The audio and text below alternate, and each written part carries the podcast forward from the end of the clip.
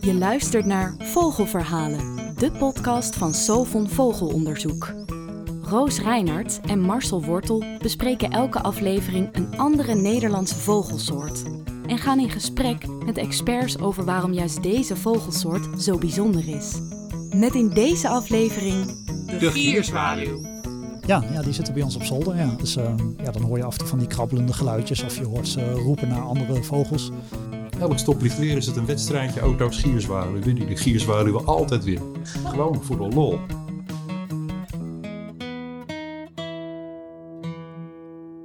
Hey Roos, Hey Marcel. leuk zijn we weer in de studio Yes, zijn we weer. voor de podcast Vogelverhalen. Ja, ik heb het gemist na vorige keer hoor. Jij Ik had was er lekker op pad in. met de Rode Wouw, lekker, lekker het veld in. Ja, ja, ik heb echt genoten van mijn eerste aflevering. Dus eh, ik was al de dagen aan het aftellen tot ik weer mocht. Ja, precies. Nou, de, je mag weer. Yay. Wat gaan we nu dan doen? Nou, nu dacht ik, laten we het eens wat dichter bij huis zoeken. Want ja, het was heel vet hoor, Overijssel, maar toch wel een stukje reizen. En eh, nou ja, ik, eh, deze vogel zie ik eigenlijk, ik sta er eigenlijk mee op tegenwoordig. Dan als ik 's ochtends mijn ontbijtje op het balkon eet, dan eh, gieren ze om me heen. We gaan het namelijk hebben over de gierzwaluw vandaag. Ja, ik wou zeggen, dat was een hele dikke hint. De, de gierzwaluw, ja, die, die gieren ook wel eh, bij mij. Ik denk dat heel veel mensen de gierzwaluw wel, wel zien. Ja, ja, zeker als je een beetje in een stad of een dorp woont, dan is de kans dik aanwezig. Ja, en waarom gaan we het dan hebben over de gierzwaluw? Nou ja, ik vind het zelf echt een spectaculaire soort. Hij is heel geheimzinnig en eh, er is gewoon heel veel over te vertellen. Het is echt een unieke soort. Eh, waarom, dat, dat horen jullie denk ik nog wel. Eh, en nou ja, waarom nu? Hij, hij is er niet zo heel erg veel. Eigenlijk maar een paar maanden per jaar. Daarom noemen ze hem ook wel de 100 dagen vogel. Dat had jij vorige keer ook Ja, al genoemd. Precies. Eh, ja. Dus we dachten, ja, we moeten er snel bij zijn. Eh, en daarom gaan we het deze aflevering over de gierzwaluw hebben. Hartstikke goed. De gierzwaluw. Ehm, nou ja, en zoals altijd eh, in onze podcast gaan we even beginnen met eh, het paspoortje. Paspoort. Oké, paspoortje. Nou Roos, kom maar op. Hoe ziet de gierzwaluw eruit? Nou, die is eigenlijk heel goed herkenbaar. Eh, hij is helemaal donker gekleurd. Hij heeft alleen een hele lichte keelvlek, maar die zie je eigenlijk niet als je hem, als je hem ziet vliegen. Eh, en hij heeft hele kenmerkende sikkelvormige vleugels. Dat, ja, je spot hem zo in de lucht. Eh, en nou ja, dat vliegen is dan ook weer iets waar je hem herkent. Want hij heeft een hele ja, standaard vluchtbeweging. Je ziet hem langzaam eh, lange zweefvluchten maken, afgewisseld met kort, eh, ja, korte, snelle vleugelslagen. Ehm, ook zie je hem vaak in groepjes en dan achtervolgen ze elkaar. Ze lijken een beetje met elkaar te spelen, om elkaar heen. En dan maken ze ook een heel typisch geluid. Dat gieren, wat ik al noemde, eh, hoort daarbij. En nou ja, dan is echt een soort gegil eigenlijk bijna. Ja, daar heb ik wel een geluidje van. Moet je eens luisteren.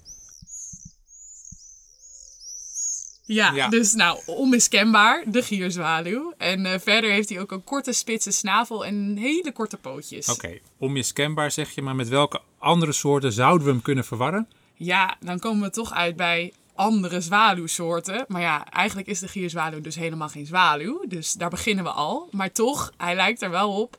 Ehm, maar dat verschil is eigenlijk ook best wel duidelijk. Want de gierzwaluw is dus helemaal donker van onder. Terwijl andere soorten, zoals de boerenzwaluw of de huiszwaluw, die hebben een witte onderkant. Eh, en de boerenzwaluw heeft dan natuurlijk ook nog die roodbruine keel. En de huiszwaluw is gewoon helemaal wit. Ehm, ja, dus eigenlijk als je een helemaal donkere zwaluwsoort, ja, dus niet echt een zwaluw, ziet vliegen, dan is het meestal de gierzwaluw. Oké. Wat eet de gierzwaluw? Ehm, hij eet eigenlijk alleen maar vliegende kleine insectjes. En daar heeft hij zich echt helemaal in gespecialiseerd. Dus eh, hij is een expert. En hoe hij zich daar dan in gespecialiseerd heeft, daar horen jullie ook later meer over. Oké, waar komt de vogel voor? Ehm, hij komt op heel veel plekken voor. Eigenlijk in heel Europa vind je hem. En ook nog in een groot deel van Azië.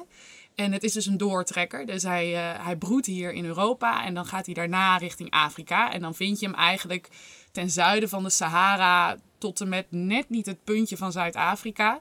Dus echt al een groot stuk eh, waar hij dan overwintert. En in Nederland vind je hem dus tussen eh, ongeveer mei en juli kun je hem tegenkomen. En dan met name, zoals ik al zei, in, in oude dorps- en stadskernen. Oké dan.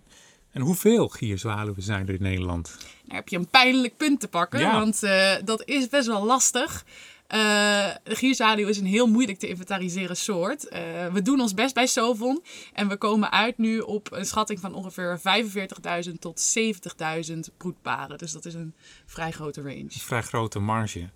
Ja, nou, daar moeten we dus nog wel iets uh, meer over te weten komen. Waarom dat dan zo lastig is. Zeker. Ja, ja. en dan wordt het dus hoog tijd om uh, onze gasten in deze podcast aan te gaan kondigen. Ja, want dat kunnen we niet alleen. Nee, zeker niet. Nou, en ik uh, ben op pad geweest, of ik ben op bezoek geweest bij Jochem Kuhne. Want ja, je gaat natuurlijk niet op pad, je gaat naar een huis. Want gierzwaluwen zitten rondom huizen. Ja. Dus ik ben bij Jochem Kuhne thuis geweest. Nou, je kunt hem echt wel de gierzwaluwman van Nederland noemen.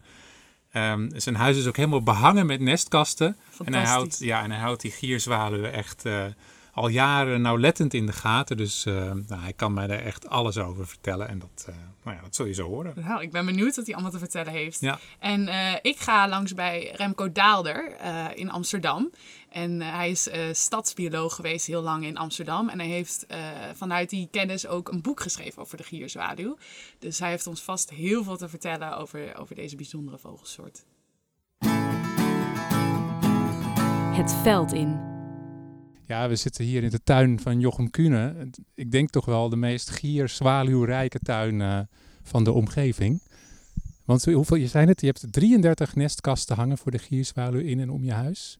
Ja, ja dat klopt. En uh, ja, er zijn nu best wel wat uh, paardjes met jongen en ook nog een paar paardjes met eitjes. En zelfs nog paardjes die nog eitjes gaan leggen. Dus het is in principe allerlei stadia en ja, er gebeurt dus nog van alles. Ja. Ja, hier in en om het huis van Jochem Kuhne ademt alle schierzwaluw, zou je wel kunnen zeggen. En ik denk dat, dat Jochem misschien ook wel de grootste gierzwaluwliefhebber van Nederland is. Maar hoe zou je jezelf omschrijven in relatie tot gierzwaluwen? jeetje. Uh, ja, ik zeg altijd uh, tegen mensen dat de gierzwaluw mijn passie is. Ik, heb, um, ik ben eigenlijk zelf geen vogelaar in die zin. Ik ga, niet, um, ik ga er bijna nooit op uit om vogels te kijken. En als ik erop uitga voor vogels, dan is het vaak toch wel echt voor gierzwaluwen. Dan, um, ja, ik ga nog wel eens in, in buurten kijken om te zien waar ze nestelen. Of um, ik geef excursies over gierzwaluwen. Dus ja, nou ja, de gierzwaluw heeft wel echt een, uh, een plekje, ja, een bijzonder plekje bij mij. Want uh, ik ben daar al ja, meer dan 15 jaar wel mee bezig. En ja, denk dat ik inmiddels wel tot de, de kenners gerekend mag worden. Ja. Zitten de gierzwaluwen die vliegen echt krijzend om onze oren. Je zou zeggen van nou, dat is dan toch makkelijk tellen. Maar dat is dus het is lastig om dan de, de broedparen eruit te halen. Ja, ten eerste is het best lastig om ze te tellen. Als ze echt in een groepje zo langs je huis komen, dan gaat het gewoon zo hard. Dat je, ja, dan is het gewoon in de praktijk moeilijk te tellen hoeveel er zijn.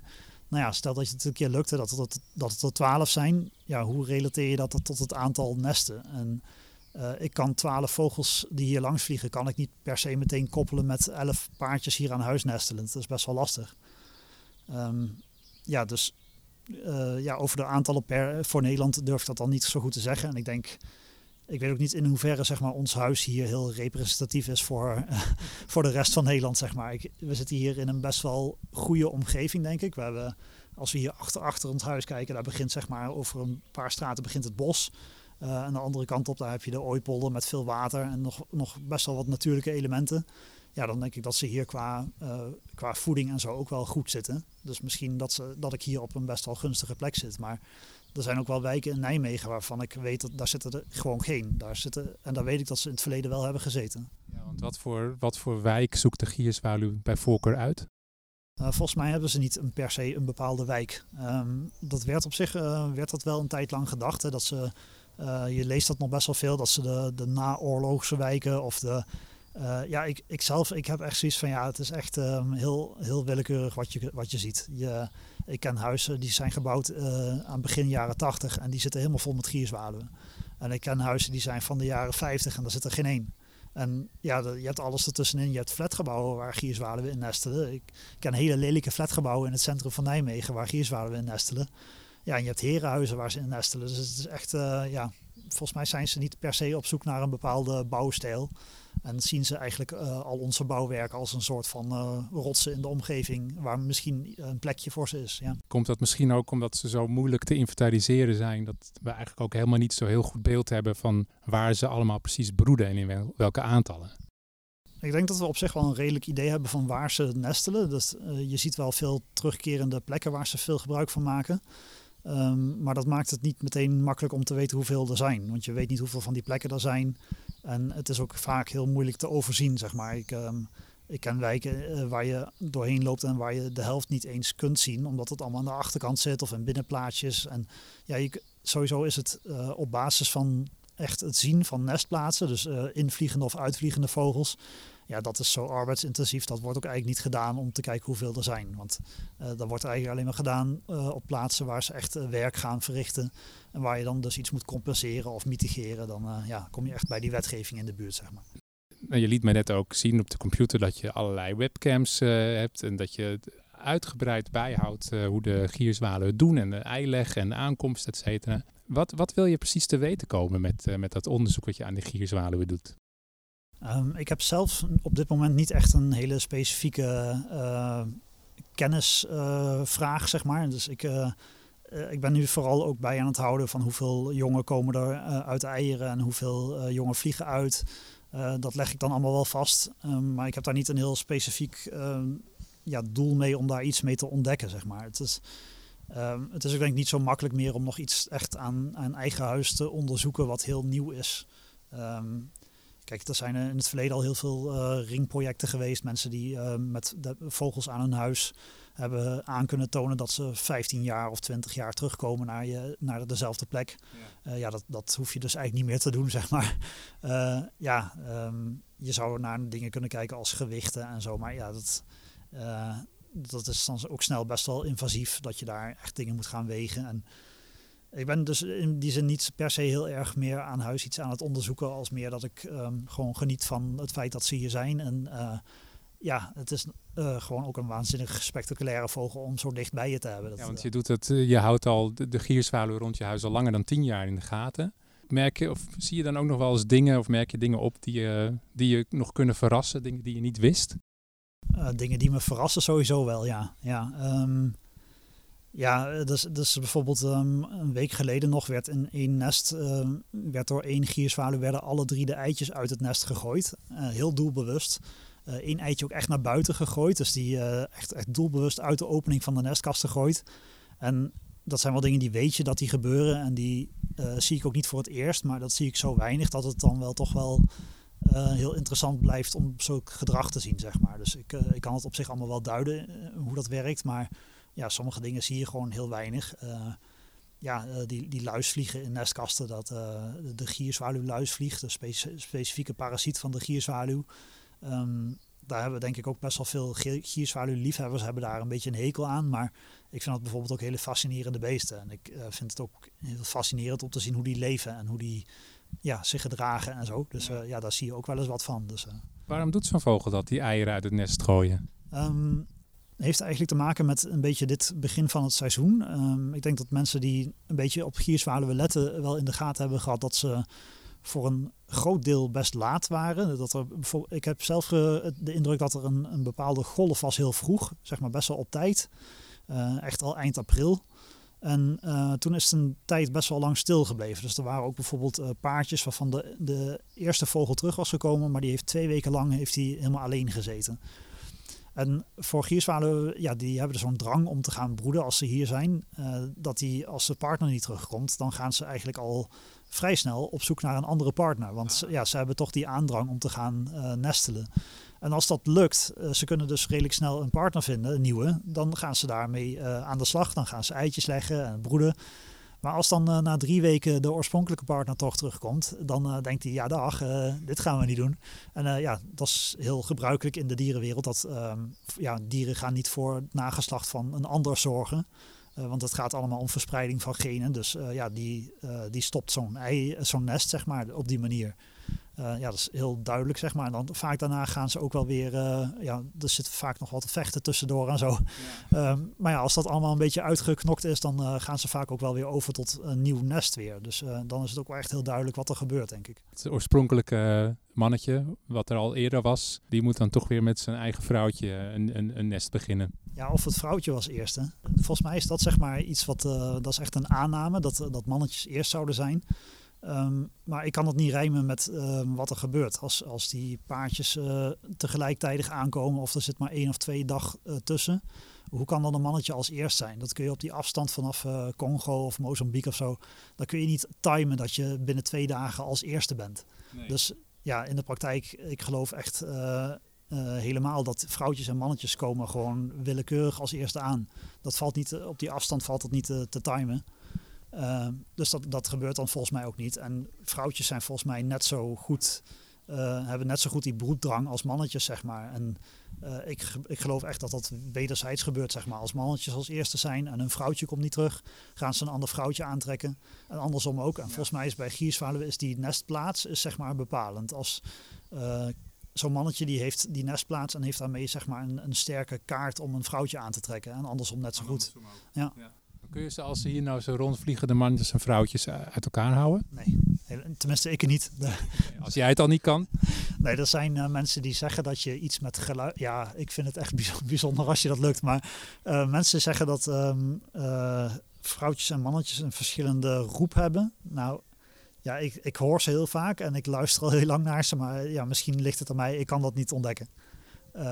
ja, en op, op uiterlijk kun je het sowieso niet. Dus... Um, misschien zit daar ook een stukje interpretatie bij. Dat mensen denken dat ze iets horen wat, wat er misschien niet is. ja, dat zou kunnen. En als ze eenmaal op het nest zitten, is het dan wel bijvoorbeeld alleen het vrouwtje wat broedt? Nee, dat wordt ook uh, afwisselend gedaan. En uh, ze komen elkaar niet voeren op het nest. Dus uh, ze moeten dan wel afwisselen, want anders ja, krijgen ze op een gegeven moment toch honger. Ja. En ook als ze jongen hebben, ze voeren de jongen samen. Uh, ja, alles gebeurt in die zin zo goed verdeeld, zeg maar, tussen de uh, geslachten. Dat ik ook denk dat die geslachten best wel gelijk zijn in dat opzicht. Dat er vaak, zeg maar, vrouwtjes die vechten ook met indringers. Net als mannetjes vechten met indringers. dus ik, ja, ik geloof dat dat best wel... Ze, ze verdedigen allebei heel, heel erg met klem hun nestplaats. En ja, daar zit volgens mij geen bijzonder onderscheid in de geslachten. Als mensen nu denken, ja, ik wil ook gierzwaluwen helpen. Wat kunnen mensen het beste doen? Um, een paar dingen, denk ik. Uh, kijk, als je uh, aan, je nest, aan je huis geen plaats hebt voor bijvoorbeeld uh, nestkasten, dan kun je altijd nog iets heel indirect voor ze doen. En dat is zorgen dat er wel veel insecten uit je tuin komen. dus als je ja, je tuin insectvriendelijk inricht, dus met bijvoorbeeld inheemse planten en um, ja, niet te veel maaien en geen gif gebruiken en zo, allemaal van die hele open deuren vind ik. Maar goed, uh, ja, dan komen daar ook veel insecten uh, uit vrij die de lucht ingaan. En dat is allemaal voedsel voor de gierzwaluw. Dus daar kun je ook iets voor ze betekenen. Ja, en uh, als je wel iets met nestkasten kunt doen bijvoorbeeld, dan kun je aan, aan noord- of oostgevels met een minstens 4 meter hoogte, daar kun je dan wel vaak iets voor ze doen. Um, en dat, ja, dat, of dat lukt en werkt en zo, dat is allemaal ja, van wat meer dingen afhankelijk dan dat. Maar ja, het ligt een beetje aan, zitten er al veel gierzwaluwen in je buurt en uh, zitten ze op plekken die ze een beetje kunnen vergelijken met waar je dan een nestkast ophangt. Uh, ze kijken vaak een beetje naar overeenkomende plekken. Uh, ja, dus dat soort dingen, die, daar kun je dan nog wel iets mee beïnvloeden. Maar... Even kijken, want we staan nu aan de achterkant van je huis in de tuin. In, in een hele biodiverse tuin, hè? hele insectenrijke tuin. Je zei het net ook al. en, en hier hangen, nou, wat is het, twee, vier, zes, acht, negen kasten. En die zitten hier nu. En, en er hangen ook nog camera's in. En heb je hier nu achter het huis ook uh, broedpaarden zitten? Uh, ja, en hier zit in, in een van de kasten, deze zijn genummerd, hè, dus die, hier hangen 10 tot en met 18 hangen hier aan de achterkant.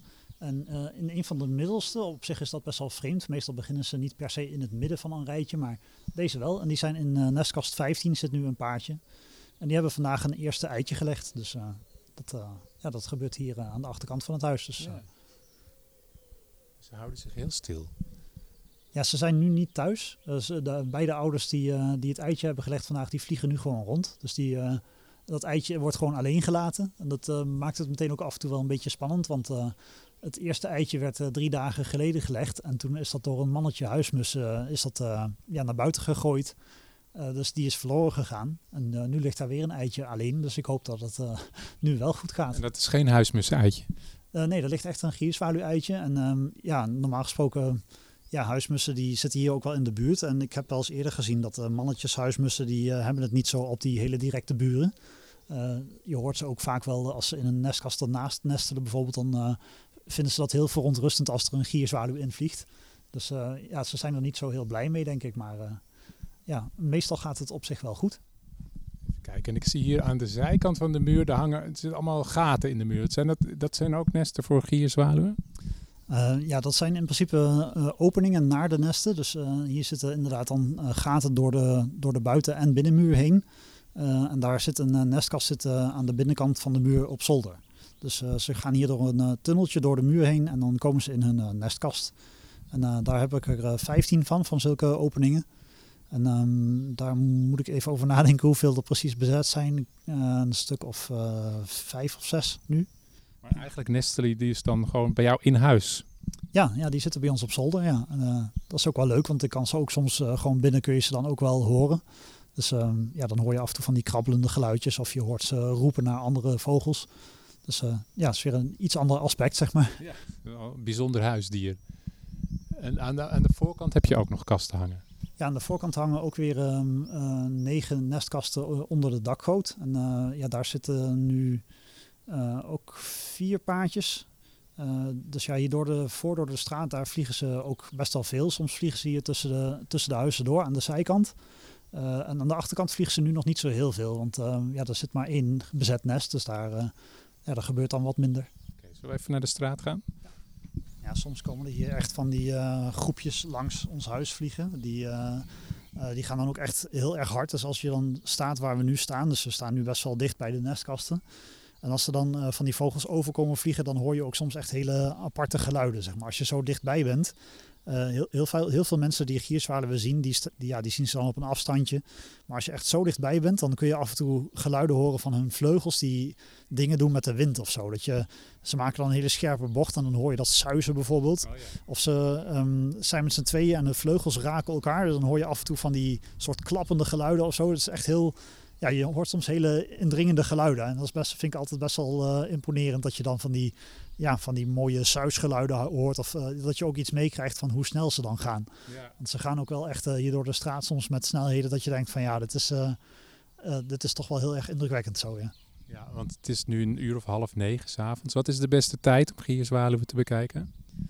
Um, ja, zo gedurende de dag gebeurt het eigenlijk een paar keer dat ze zo langskomen. Dat is heel onvoorspelbaar. En doorgaans merk ik wel dat je ja, in de avond dat ze, dat ze wat meer rond het huis komen vliegen. Um, soms kan het ook toch tot best wel laat, zeg maar. Dus ik, had gisteravond bijvoorbeeld tot een uur of tien dat ze nog behoorlijk hier rond het huis vlogen. En sowieso natuurlijk uh, wat later, als de dagen nog wat uh, langer licht zijn, dan, uh, ja, dan kunnen ze wel tot een uur of elf hier soms rondvliegen. Ja. En zijn de buren er hier nou overwegend blij mee met zoveel gierzwaluwen in de buurt? Ja, volgens mij wel. Ik uh, krijg in ieder geval regelmatig de vraag van en hoe gaat het met ze? En uh, zijn ze er weer? En uh, ja, dat soort vragen. Gewoon ja, mensen die het dan wel leuk vinden om ze te zien. Ook mensen die, dus, die echt wel zeggen dat ze ervan genieten om te zien hoe ze hier rondvliegen. Dus ja, volgens mij is het over het algemeen wel gewaardeerd. Ja. Geen klachten over overlast? Nee, nee, inderdaad.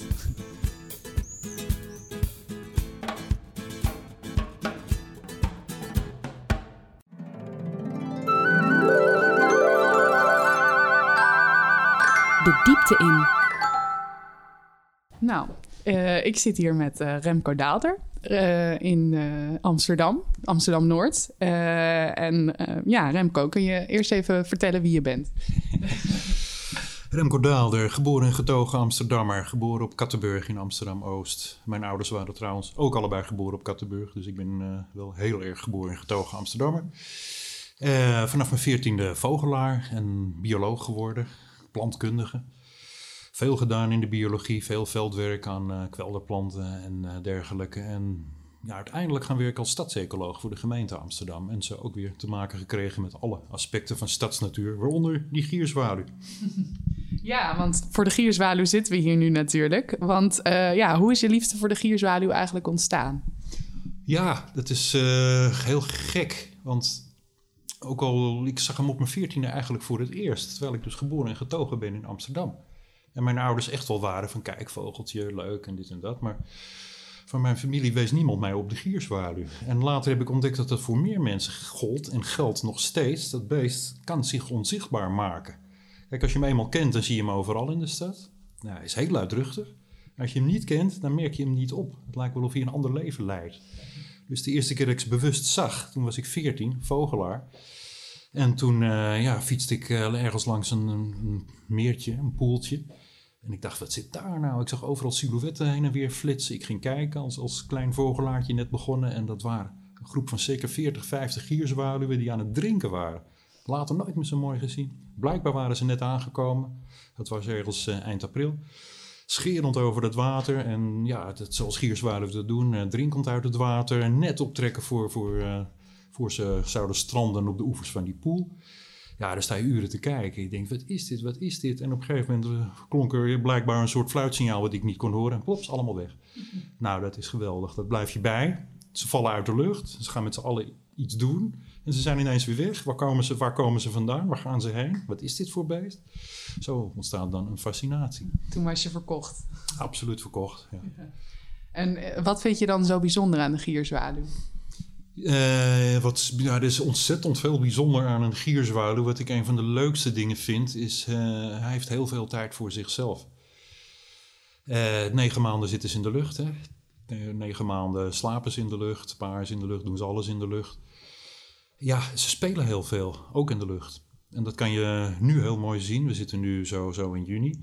Juli kan je dit ook nog heel mooi zien tot begin augustus. Uh, spelen in de lucht. Zeker als de jongens straks weg uh, van het nest af zijn, gaan die oudjes ook enorme vluchten houden door de hele stad heen. Achter elkaar aangieren. S'avonds gaan ze omhoog met z'n allen. En dat klinkt zo verschrikkelijk vrolijk. Ik bedoel, wij weten natuurlijk niet wat ze tegen elkaar zeggen. Hun taal is waarschijnlijk veel complexer dan wij denken. Ze leven ongeveer 50 keer sneller dan wij. Ze kunnen 50 keer sneller dan wij informatie aan elkaar doorspelen. Dus misschien vertellen ze elkaar enorme verhalen, maar het klinkt heel vrolijk. Mhm. En als je die vluchten ziet, dan denk je: jongens, dit doen jullie alleen maar omdat je het ontzettend leuk vindt. Die screaming parties van die jonge gierzwaluwen, die, die, die beesten, ja, pas op een vierde jaar zijn ze eraan toe om een nest te gaan maken. Maar die jongen komen wel uit Afrika hierheen screaming parties door de straten heen. En de oudjes lastigvallen die wel op hun nest zitten, tegen hun nestkast aan gaan bonken van uh, uh, lekker van die lastige pubers.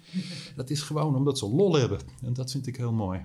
Ik heb nog één mooie van die spelende gierzwaluwen. Mhm. Als ergens veel gierzwaluwen zitten in Europa, en dan is het in Thessaloniki, Athene en dat soort steden in Griekenland. Omdat die steden verwoest werden door aardbevingen en ja, in de jaren 50 heel slecht opnieuw zijn opgebouwd met betonbouw. Mhm waar de airconditionings uitvallen, waar de luchtgaten uitvallen, de roosters eh, kapot zijn. En daar zitten overal gierzwaluwen in. Er broeden ongelooflijk veel gierzwaluwen in Thessaloniki. En wat doen die? Dwars door de stad loopt een, eh, een soort snelweg, een vierbaan snelweg, met een stoplicht. Auto's stoppen daar op een rijtje. Op het moment dat het licht op groen gaat, moet je net Griek hebben, trekken ze allemaal uh, keihard op. Hier is het eerste. En op dat moment zie je een hele bonk gierzwaluwen achter die auto's aangaan. En ze inhalen. En dan weer omhoog. En dat gaat elk stoplicht weer. Elk stoplicht weer is het een wedstrijdje auto's gierzwaluwen. Die de gierzwaluwen altijd winnen. Gewoon voor de lol. Heb je, heb je, dat zelf ook gezien? Ja, ik heb dat uren zitten bestuderen vanaf een balkon uh, van mijn hotel in Thessaloniki. Ik kon er niet op uitgekeken raken en zij konden niet uitgespeeld raken. Gewoon even bewijzen dat je sneller bent dan een Griek in zijn auto. Wat bijzonder inderdaad. Nee, dat is, ja, ik snap de fascinatie heel goed. Het is ook zo'n mooie vogel eigenlijk. Ja, echt uh, uniek vind ik. Ja, ook dat. Kijk, de meeste vogels, die, eh, nou dat weet je wel, die bouwen een nestje en zo. En die gaan vlakbij je zitten. En uh, nee, die, die worden vertrouwelijk, een koolmees, een ekster. Een ijsvogel, dat snap je allemaal wel. Maar in wezen heeft een gierzwaluw een vrij onbegrijpelijk leven. voor ons, voor ons mensen.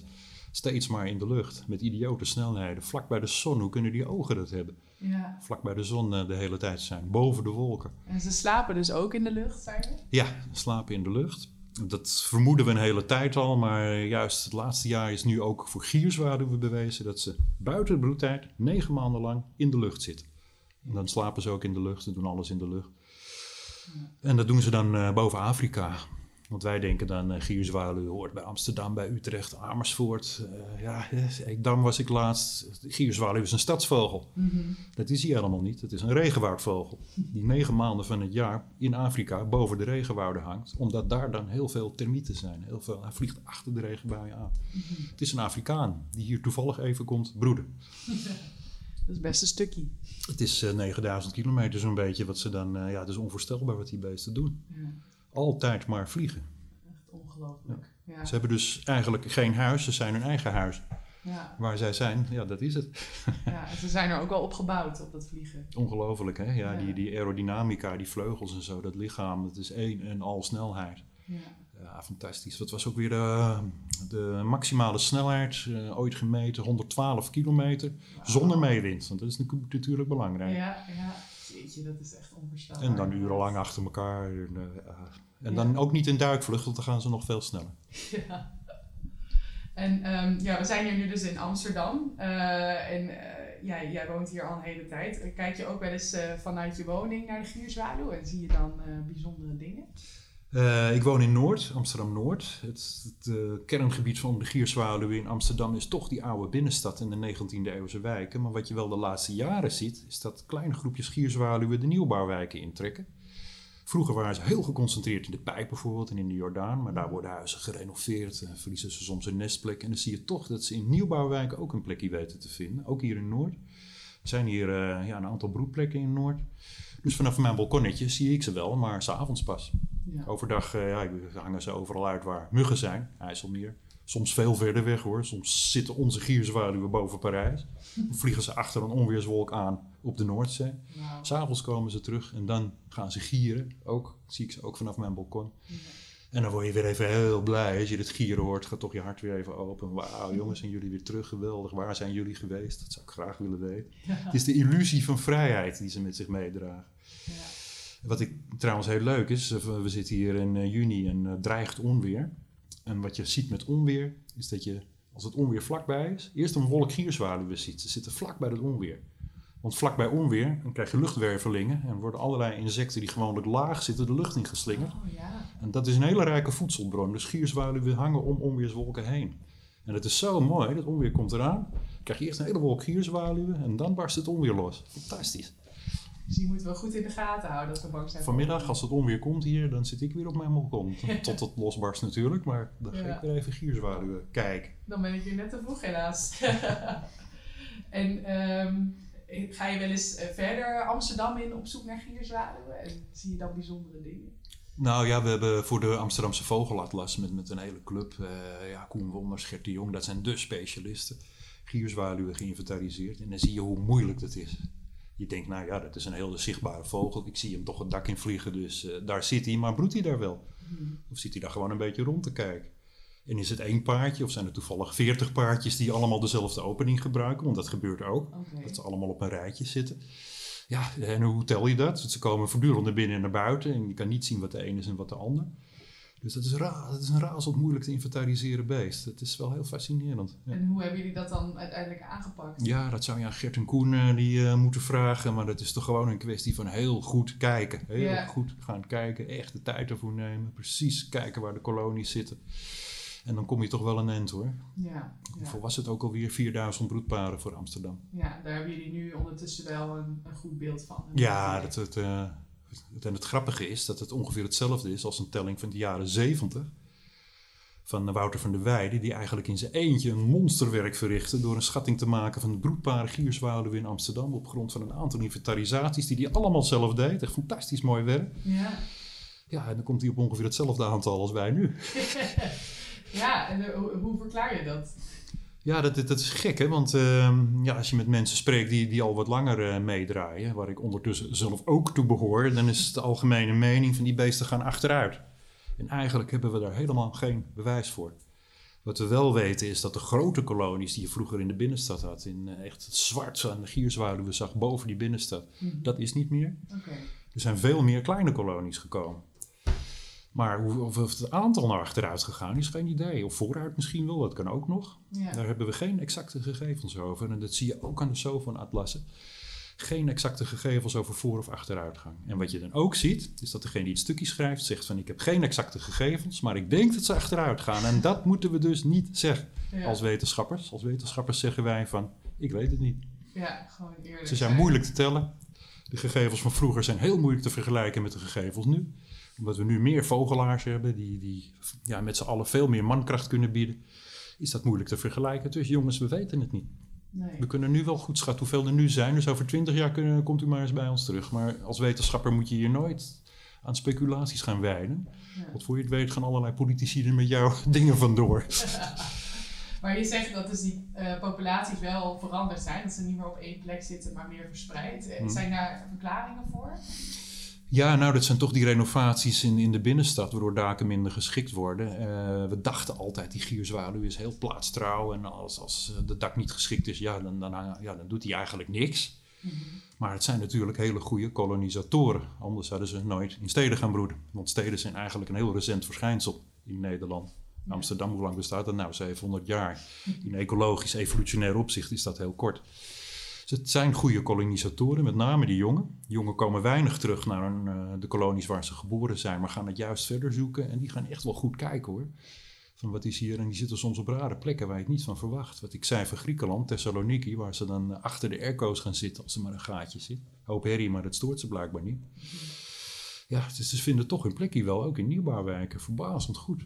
Stel, onze luisteraars willen graag gierzwaluwen zien in hun eigen omgeving. Wanneer kunnen ze dan het beste naar buiten gaan en waar kunnen ze het beste gaan kijken? Nou, kijk, we zitten nu uh, even kijken, zo eind juni. Hè?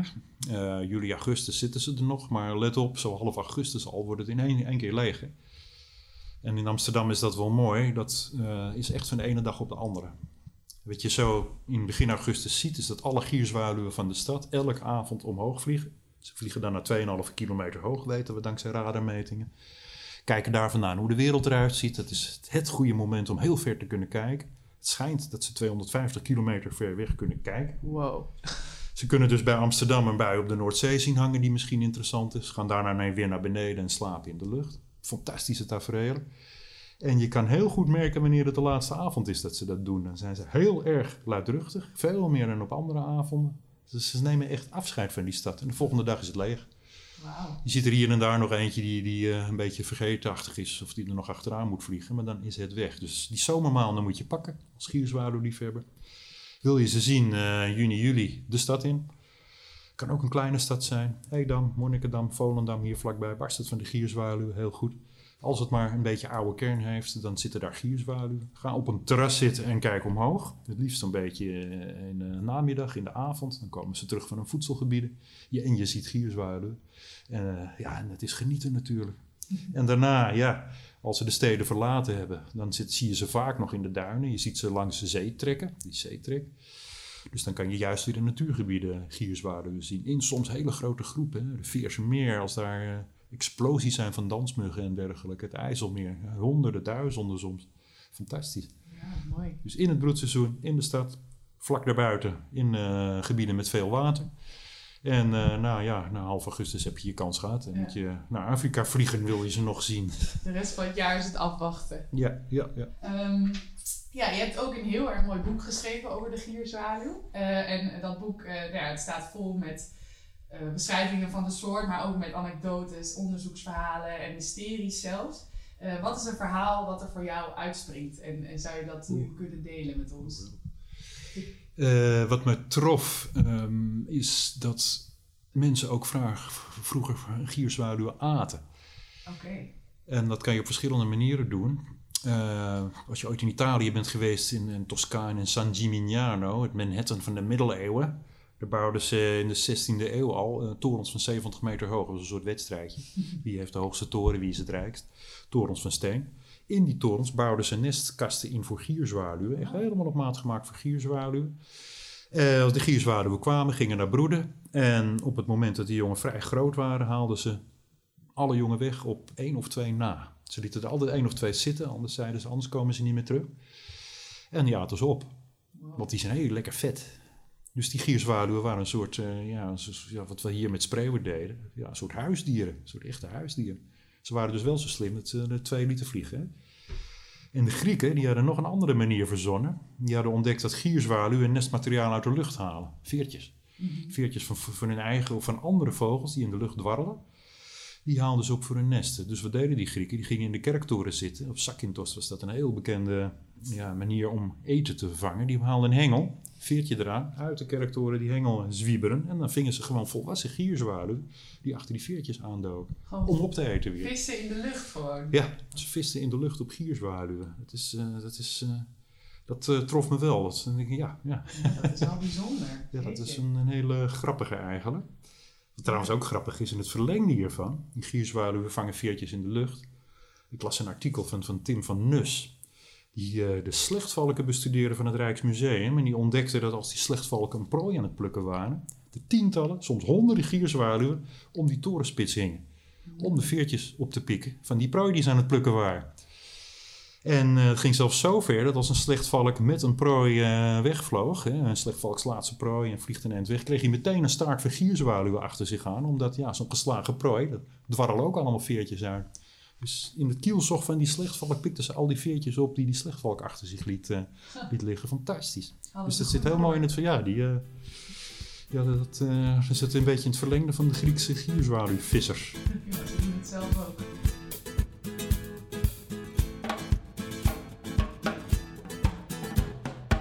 Nou, Zo, daar zijn we weer. zijn we weer inderdaad. Ja, helemaal veilig terug uh, in de studio. Ik uh, vond het wel opvallend. Dat er wel, je merkt wel duidelijk verschil tussen... Tussen Jochem en Remco. Absoluut. Ja, ja. Ja. juist ook heel leuk om dat een beetje naast elkaar te horen. Ja. Wat meer het romantische beeld van de journalist met alle mooie verhalen. En dan Jochem die echt de Ja. diehard wetenschapper is. Ja, hij noemt zichzelf geen wetenschapper. Maar hij, hij heeft wel echt een onderzoekende mindset. En is ook wel heel erg duidelijk in, in wat hij allemaal niet weet over de gierzwaluw. Ja, nou ja, ik vond dat ze elkaar heel leuk aanvulden. Ik denk Ja. dat we zo wel een mooi beeld hebben van de soort en wat we wel en niet weten inderdaad. En ook wat hem nou zo bijzonder maakt. Ja, precies. Ja, en dan is het natuurlijk ook nog even tijd voor ons verhaal. Ja. Want eh, Marcel, heb jij misschien een, een leuk verhaal over de gierzwaluw? Nee, Oh, nee. Maar ik, heb, oh dat is jammer. maar ik heb wel een heel mooi gedicht over de gierzwaluw. oh, leuk. Ja, dit is namelijk het gedicht Gierzwaluwen van Guido Gezelle. En dat heeft hij geschreven in 1897. maar Tijdje terug. Ja, dat is eh, twee jaar voor zijn dood. Ehm, maar in 1897 kwamen er dus ook volop gierzwaluwen voor in onze uh, contraien. Genoeg voor Guido Gezelle om daar dus een gedicht over te maken. Zal ik dat eens voorlezen? Graag. Zie, zie, zie, zie, zie, zie, zie, zie, zie, zie. Tierende zwaluwen, twee, driemaal drie. Zwierende en gierende, niemand die, die. Biedend en stiet ons zal, wie, wie, wie, wie. Piepende en kriepende, zwak en gezwind. Haaiende en draaiende, rap als de wind. Wiegende en vliegende, vlug op de vlerk. Spoeien en roeien ze rings om de kerk. Lege nu zweven ze en geven ze bucht. Hoge nu hemelt hun vlerk in de lucht. Amper nog hoorde ik en die ik niet en zie. Lijfelijk zingen ze. Wie, wie, wie, wie. Wat mooi. Mooi hè? Het is echt een gierzwaluw. Ja, je, Ja. je ziet hem, je, je hoort hem gewoon vliegen. Ja, Ja. Ja, prachtig. Fantastisch. Hè, nou, dan zijn we aan het eind gekomen van deze aflevering. Ja, goede Ja. afsluiter denk ik. Ja, dus, ehm, maar het is wel een vogel waar je, als je hem wilt tellen, echt helemaal tureluurs van wordt. Ja, praat me er niet van, want dat Ja. eh, doe ik de laatste weken. En inderdaad, dat, eh, dat, is, dat is mijn karweitje. Ja, En dat uh, tureluurs heb je dan gelijk even een leuk bruggetje te pakken. precies. Want dat is dan het bruggetje naar de vogel van de volgende keer. Namelijk de tureleur. De tureluur. Ja. nou daar hoor je dan allemaal eh, veel meer over de volgende keer. Maar voor nu kunnen we in ieder geval Jochem Kuhne en Remco Daalder bedanken voor hun bijdrage. Zeker, heel erg bedankt allebei. En niet te vergeten Maurice Frère-Jean voor de techniek. Dat was hem dan. Tot, Tot de volgende keer. Nog niet uitgevogeld? Voor meer informatie over het onderzoek van Sovon Vogelonderzoek Nederland bezoek je de website www.sovon.nl. Daar vind je ook hoe je vrijwilliger kunt worden.